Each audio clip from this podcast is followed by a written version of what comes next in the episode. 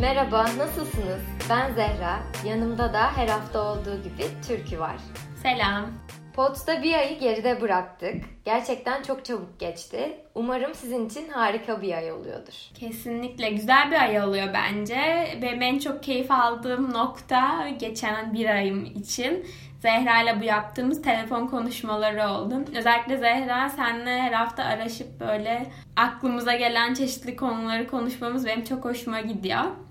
Bu haftada Zehra'yla bir türlü karar veremedik aslında ne konuşsak ne konuşsak diye düşünüyorduk. Hatta bugüne kadar erteledik podcast'i kaydetmeyi ki yarın biliyorsunuz her pazartesi bir bölüm yayınlıyoruz. Bugün kaydedebiliyoruz o yüzden. Ne kaydetsek diye düşünürken aklımıza şu an içinde bulunduğumuz ortam geldi. Biliyorsunuz ikimiz de Erasmus ve Exchange'deyiz. O yüzden çok kültürlü bir ortamdayız. İlk defa hayatımda bu kadar hani farklı ülkeden gelmiş insanla bir aradayım. Normalde hani bir ülkeye ziyarete gidince, geziye gidince hani İspanya'ya gidiyorsanız İspanyollarla birlikte oluyorsunuz. Yunanistan'a gidiyorsunuz Yunanlarla birlikte oluyorsunuz ama ilk defa böyle bir okulda hepimiz toplandığımız bir ortam. Zehra senin için de öyledir. Bu kadar çok uluslu bir ortamda olunca illaki kültürel farklılıklar ve bu kültürel farklılıkların yarattığı ön yargılar, genellemeler ortaya çıkıyor. Kimsenin böyle hani şu an tanıştığım insanlar içinde de hani bir ırkçı olmak gibi niyetler olduğunu asla düşünmüyorum. Ama illaki belli böyle ön yargılar ve genellemeler var benim de karşılaştığım. Belki farkında olmadan ben de insanlara böyle kafamdaki genellemelerle yaklaşıyor olabilirim. Bu yüzden bunları konuşacağımız bir bölüm olsun istedik. O zaman önce istersen bugün kültürlerden bahsedeceksek genel olarak şöyle bir kültür tanımıyla başlayalım. Kültür deyince ne anlıyoruz? Bizim için kültür ne? Kültür belli bir toplumun kendi özgü nesi varsa ve gelecek nesillere aktardığı artık maddi, manevi, sosyal her şeyi kapsayan bir tanım bence. Ama artık kültürü çok mikro şeyler için de kullanabiliyoruz. Sadece belli bir gruba, belli bir nesneye ait olan şeyler içinde kültür tanımı yapabiliyoruz. Ama genel olarak sosyolojik olarak kültür bizi saran, insanlardan öğrendiğimiz toplumsal miras diyebiliriz. Bir değerler bütünü gibi sanki değil mi? Evet. Ama şunu da biliyoruz ki artık yani dünyada bazı dominant kültürler var ve bu belli başlı kültürler dışında yerel kültürler bir şekilde göz ardı ediliyor. O yüzden dediğimiz bu mikro kültürlerin, yerel kültürlerin, azınlıkta kalanların kültürleri bir şekilde göz ardı edilerek değiştiriliyor. Belki o kültürler yozlaşıyor. Ve biz de yerel bir kültürün değerini ister istemez bahsettiğimiz bu dominant kültürün gözünden incelemeye başlıyoruz. O yüzden kültür kadar kültürlerin yozlaşması, değişmesi, kültürsüzleşme gibi kavramlar da ilgimi çekiyor. Evet bu dominant kültür kavramından bahsettiğin çok iyi oldu. Gerçekten bu kültürel konular benim de ilgimi çekmeye başladı ve bunları araştırırken cultural appropriation da dediğimiz dominant kültürden gelen insanların azınlık kültürlerin elementlerini moda uğruna benimsemesi gibi bir kavramla karşılaştım. Özellikle çok uluslu ülkelerde azınlıklar gerçekten buna tepki gösteriyor. Mesela şu anda Amerika'da, Kanada'da beyaz insanlar Afrika örgüsü yaptırabilir mi? Veya rasta yaptırabilir mi? Bu tartışılıyor. Siyahi insanların da bu konuda savundukları nokta Kendileri zamanında bu saç modelleri yüzünden dışlanmışlar, iş görüşmelerine bile alınmamışlar. Ama şu anda bunun popüler kültürün bir parçası olması ve sanki yeni bir modaymış gibi gösterilmesine karşı gerçekten öfkeliler. Bir grup insan da bir tarafta bunu anlamadığını ve saç stillerinin veya kıyafetlerin sadece bir kültüre ait olamayacağını savunuyor. Saçını ördüren insanların ırkçı olmadığını ve bunu o kültüre duyulan hayranlıkla yaptıklarını savunanlar var hatta. Yani bu konuda insanlar ikiye ayrılmış diyebiliriz. Evet gerçekten çok arada kalınacak bir konu çünkü hem bu azınlıkta kalan kültürlerin yaşadığı şeyleri biliyoruz. Hem bu sömürgeleştirilme olsun hem kendi kültürlerini istedikleri kadar yaşayamamaları olsun. Ama aynı zamanda şunu savunanlar da var. Saçına rasta yaptıranlar, Afrika örgüsü yaptıranlar, gerçekten ırkçılığı yapan insanlar olmayabiliyor bu insanlara karşı ve hani bu kültürleri yağmalamak için değil aslında bu kültürlere hayranlık besledikleri için da yapan insanlar var. O yüzden bilmiyorum iki taraf için de şey bir konu bence. Mesela şu anda burada Cadılar Bayramı yaklaşıyor ve konuşulmaya başlanan konulardan bir tanesi de kostümlü partiler. Bu kostümlü partilerde gördüğümüz kızıl derili olmak ya da Meksikalı olmak gerçekten e, şu anda bunlar tartışılıyor. Çünkü o kültürün kıyafetlerini giyerek hatta bazen yüzlerini boyayarak aslında onlara sizin kültürünüzü biz çok iyi biliyoruz mesajı veriyoruz ve sanki onların kültürleri bir iki parça kıyafet veya aksesuarmış gibi genellemeler yapıyoruz. Mesela Kızılderililere ait bu kafa saç aksesuarlarıyla festivallere giden kızlar var ve taktıkları şeyi dışarıda otantik ya da etnik olarak adlandırıyorlar. Daha ne olduğunu bilmiyorlar. Arkalarındaki anlamı bilmiyorlar. Sanırım bu azınlıkları kızdıran şey biraz da bu hani bir saygı gösterilmeden arkasındaki gerçek anlam bilinmeden böyle şeylerin sanki popüler kültürün ürünüymüş gibi satışa sunulması. Tabii Amerikan yerlilerinin bakıldığında bütün kültürleri yok edildi. Kültürlerini bir şekilde yaşamalarına izin verilmedi. Dalga geçildi belki ama şu anda dediğin gibi kızıl derili başlıkları, şu an Dreamcatcher'lar mesela çok moda olmaya başladı falan. Hani insanlar festivale giderken bunları kullanıyor ama ne kadar bunların değerinin, anlamının farkında. Belki Kızılderililer için çok fazlasıyla kutsal olan bir şeyi metalaştırıp festivallerde ne bileyim şey dükkan, hediyelik dükkanlarda satılan eşyalar haline getiriliyor. O yüzden dediğin gibi aslında üzücü bir konu. Mesela bunun başka bir örneği de sanırım Katy Perry bir performansında Japonmuş gibi kimono giyip saçını yapıp yüzünde beyaza boyamıştı. Gerçekten bunun için çok tepki aldı. Buna karşı bir örnek olarak da bunu iyi yapmayı başarmış Michael Jackson'ın Black or White klibi verildi. Bu klipte mesela Michael Jackson hiçbir kılığa girmiyor ve yanında da çeşitli kültürleri temsilen o kültürlerden insanlar dans ediyor. Onun kıyafeti hep aynı. Bu şekilde o kültürlere duyulan saygı aslında daha çok gösteriliyor filan denmişti hatta. Evet yani buradaki sanırım asıl sevmedikleri nokta o kültürün kostüm haline getirilip içinin boşaltılması ve bu gerçekten hani bir eğlence nesnesine dönüşüyor. Bundan hoşlanmamaları gayet doğal. Özellikle son yıllarda bu saç modellerinin, örgülerin Türkiye'de de ben çok olduğunu biliyorum ama bizim insanımız kesinlikle bence bunun farkında değil. Yani böyle bir kavramın, böyle bir sömürü kavramının olduğunun farkında değil. Ee, yani kötü bir niyetle yapıldığını düşünmüyorum. Böyle karışık görüşler var. Siz ne düşünüyorsunuz bu konuda? Ben merak ediyorum. Evet, Afro-Amerikanların uğradıkları ırkçılıklar, bu sömürgecilik, kolonileşme, bu tarz aslında dünya tarihinde gerçekten çok derin yaralar var. O yüzden bu tepkileri vermeleri bazen çok doğal olabiliyor.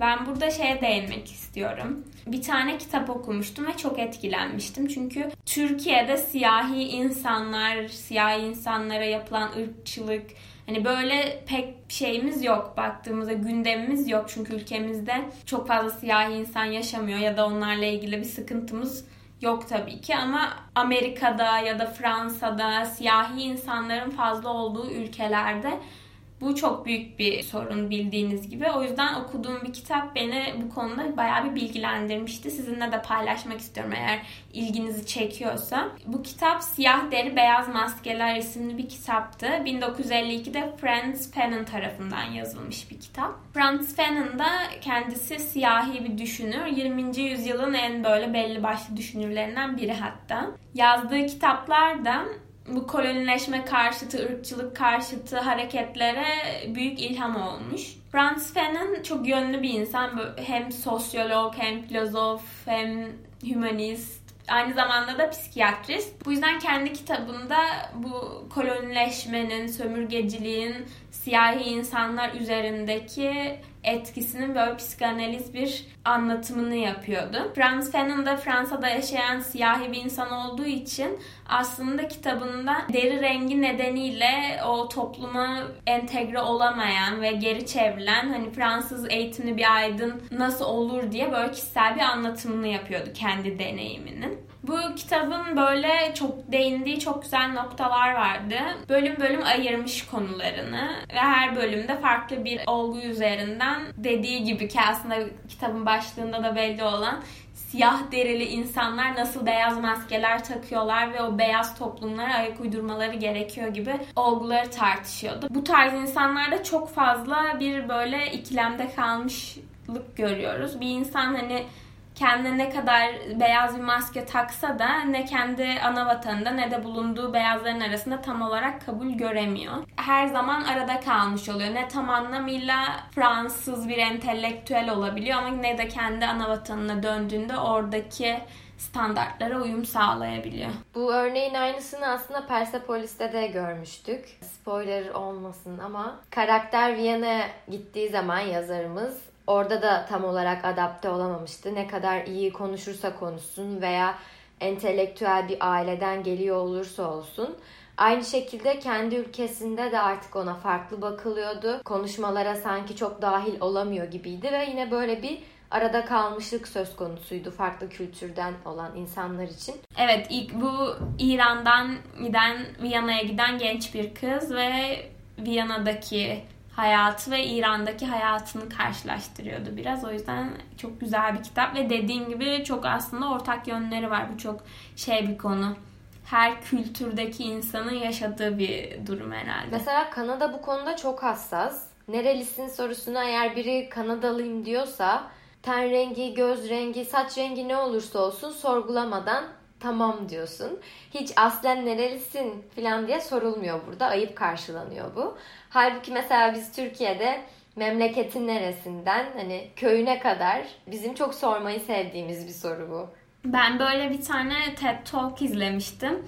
İşte Asyalı bir kız, Çinliydi ama Amerika'da yetişmiş ve bütün hayatı Amerika'da geçmiş. Çinli insanlara karşı stereotiplerden bahsediyordu. Onda da onun en çok rastladığı soru buymuş aslında. Hani ona sürekli nerelisin diye soruluyormuş. O artık yaşadığı yeri söylüyor. Texaslıyım diyor mesela ve herkes ama hani nerelisin diye tekrardan hani illaki onun Çin'den gelmiş olduğunu anlamaya yönelik sorular soruyorlar ama o kişi belki hayatında Çin'e gitmemiş yani tamamen sadece Çinli bir etnik kökene sahip olmasına rağmen hayatı boyunca Amerika'da yaşamış aslında. Burada o şekilde çok insan var. Hayatı boyunca gerçek etnik kökenlerin olduğu yerleri görmemişler mesela ama insanlar sürekli onlara soru soruyorlar. Ne dil biliyorlar, ne kültür biliyorlar. Tamamen bir Kanadalı olarak ya da Amerikalı olarak yetiştirilmişler. Ve bu sorudan da gerçekten rahatsızlık duyuyorlar. Bunu açık açık ifade ediyorlar. Ama bu sorular sanırım ister istemez böyle küçüklükten beri hep hem medyadan aldığımız bu televizyonlardan filan her bu kültürle ilgili kafamızda bir takım bir şeyler bildiğimizi varsayıyoruz. Bir ön yargılarımız filan var. Mesela ben burada kaldığım aileme Türk olduğumu söyleyince Aa işte daha önce hiçbir Türk'le tanışmadık filan dediler. Ben de böyle seviniyorum. Ne güzel işte ülkemi temsil edeceğim. Umarım beni severler falan diye. Kadın bana direkt sizin ülkenizde kadınlara nasıl davranılıyor diye sordu şak diye. Hani ne ailemi ne okulumu hiçbir şey direkt bana bunu sordu. Çünkü onun da artık o yaşına kadar oturmuş bazı algıları var ve burada medyanın etkisi de çok büyük buradaki haberler gerçekten ülkemizi ya da o coğrafyayı tehlikeli gösteriyor. O yüzden onu da aslında çok yargılamıyorum. Biraz anlayabiliyorum. Kesinlikle. Benim de sürekli rastladığım şey burada. Hiç Türkiye benzemiyorsunuz. Ya da hiç Türkiye benzemiyorsunuz diyorlar ve sonrasında atıyorum bir bira içiyorsan Aa, Türkiye'de kadınların bira içmesi serbest mi diye sordular daha dün mesela dışarıdaydım. Gayet benimle üniversite okuyan Finlandiyalı bir arkadaşım vardı bana Aa sen Türkiye'de şey takmak zorundasın, eşarp takmak zorundasın değil mi? Burada rahattır senin için falan. Hani gerçekten eğitimli ve şu an üniversite okuyan insanlar arasında da bile böyle stereotipler var kafalarında genellenmiş bazı olgular var. En çok karşılaştığım şeylerden birisi mesela Yunan bir arkadaşımla oturuyoruz geçen de. Amerikalı bir arkadaşımız geldi ve ülkeden konuşurken Yunan arkadaşım Akdenizli bir ülke olarak algılanırken Yunanistan'ı Türkiye Orta Doğu deniyor. Ama mesela benim yaşadığım yer, büyüdüğüm yer Kuşadası ve Kuşadası Yunan adası Samos'a gerçekten o kadar yakın ki hani bir saat uzaklıkta feribotla gidebileceğiniz bir uzaklıkta. O yüzden hani ben şaşırıyorum. Aynı şekilde o arkadaşım Akdenizli denirken tamamen aynı coğrafyadayız. Bana Orta Doğu denmesine şaşırıyorum biraz. Ya evet çoğu Türkiye'nin nerede olduğunu da bilmiyor zaten. Hani haritada gösterebilecek çok az insan var bence şu anda etrafımda. O yüzden altını araştırmadan daha böyle boş bilgilerle bazı varsayımlarda bulunuyorlar. Ama bunun da üstesinden gelmenin en iyi yolu gerçekten o kültürler hakkında daha çok okuyarak, hatta mümkünse o kültürlerden insanlarla konuşarak onları anlamamız sanırım. Aynı şey bizim için de geçerli. Şu anda dünya üzerindeki bütün kültürlere hakim olmamız imkansız. Kesinlikle bazen çok farklı ve değişik ülkelerden gelmiş insanlarla tanışıyorum burada. Bazen ben de çoğu şeyi bilmiyor oluyorum o kültür hakkında. Eminim ki ben de çok kafamdaki genellemelerle o insanlara soru soruyorum ve illaki senin sorduğun soru karşıdaki insanı bir şekilde rahatsız ediyor olabilir. Ama bunu dediğim gibi hani bir ırkçılıktan, kötü niyetten yapıldığını düşünmüyorum ama sadece birazcık kültürler hakkındaki cahilliğimizden kaynaklanıyor. Bu da etrafımızda çok fazla dominant kültür olduğu için yerel kültürlerle belki o kadar da ilgilenemiyoruz. Evet mesela Türkler de ırkçı değil belli bir kültüre karşı belki ama atıyorum bir Asyalı birini gördüğümüz zaman hemen bir varsayımda bulunup mesela çekik gibi bir kelime kullanıyoruz ve hepsini genelleştiriyoruz. Yani Japon olabilir, Filipinli olabilir, Çinli olabilir. Çok geniş bir coğrafya Asya ama bunu direkt çekik gibi genelleştirmek de aslında kötü her ne kadar arkasında belki çok art niyet olmasa da. Kesinlikle şey oluyor. Biz ne zaman Türkiye'de hani insanlar Asyalı birisini görse illaki Japon. Ama hani dediğin gibi Koreli olabilir, Filipinli olabilir. Yani direkt tamamen onun Japon olduğunu düşünüyoruz. Böyle bir şey var. Bizde de genelleme var aslında. Bu genellemelerle ilgili çok ilginç bir belgesele rastlamıştım. Gerçekten değişik ve şey bir konusu var. Eğlenceli bir noktadan çıkıyor aslında konu. Ama hiç üzerine düşünmediğimiz bir noktadan çıkıyor denebilir. Belgeselin ismi The Problem with Apu'ydu. Apu da The Simpsons'ta bildiğimiz Hindistanlı Apu karakteri. Bilmiyorum Simpsons'ı izliyor musunuz ama. Çok temel karakterlerden bir tanesi. Evet en temel karakterlerden birisi ve Simpsons'ı biliyoruz yıllardır zaten kaçıncı sezonda artık bilmiyorum ama gerçekten bir nesil Simpsons'la büyüdüğü için Apu karakteri de bakıldığında çok göz önünde olan ve hani insanların Hindistanlı insanlar hakkındaki algısını çok yönetebilecek bir karakter. Bu belgesel 2017 yılında çıkmış. Bir Hintli komedyen Apu karakterini incelemeye karar veriyor. Çünkü çocukluğunda aslında Apu'yu çok seviyormuş. Çünkü televizyonda genel olarak bu Güney Asyalı karakterlerin temsili çok az var. Neredeyse hiç yok. O yüzden hani böyle çok ünlü bir şovda Hindistanlı bir karakter olması onun çok hoşuna gidiyormuş. Ve bu şekilde büyümüş bunu severek. Ama daha sonra artık 28 yaşına geldiğinde Apu karakterinin ne kadar sorunlu bir karakter olduğunu farkına vermiş. Çünkü sürekli insanların onun hakkındaki yargısı, bu söylediğimiz Hindistanlı komedyenin hakkındaki yargısı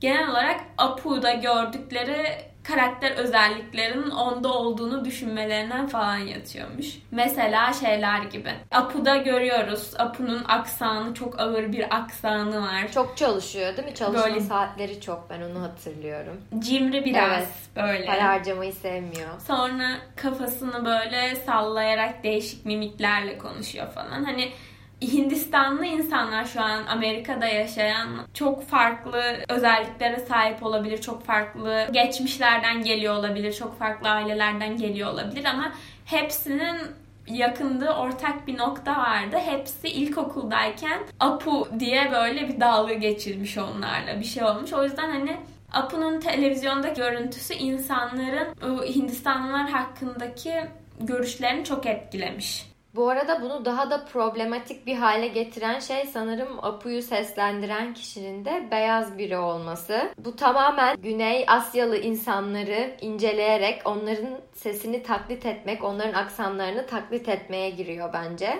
Ve bu noktada sanırım sinirlenmekte haklılar. Evet.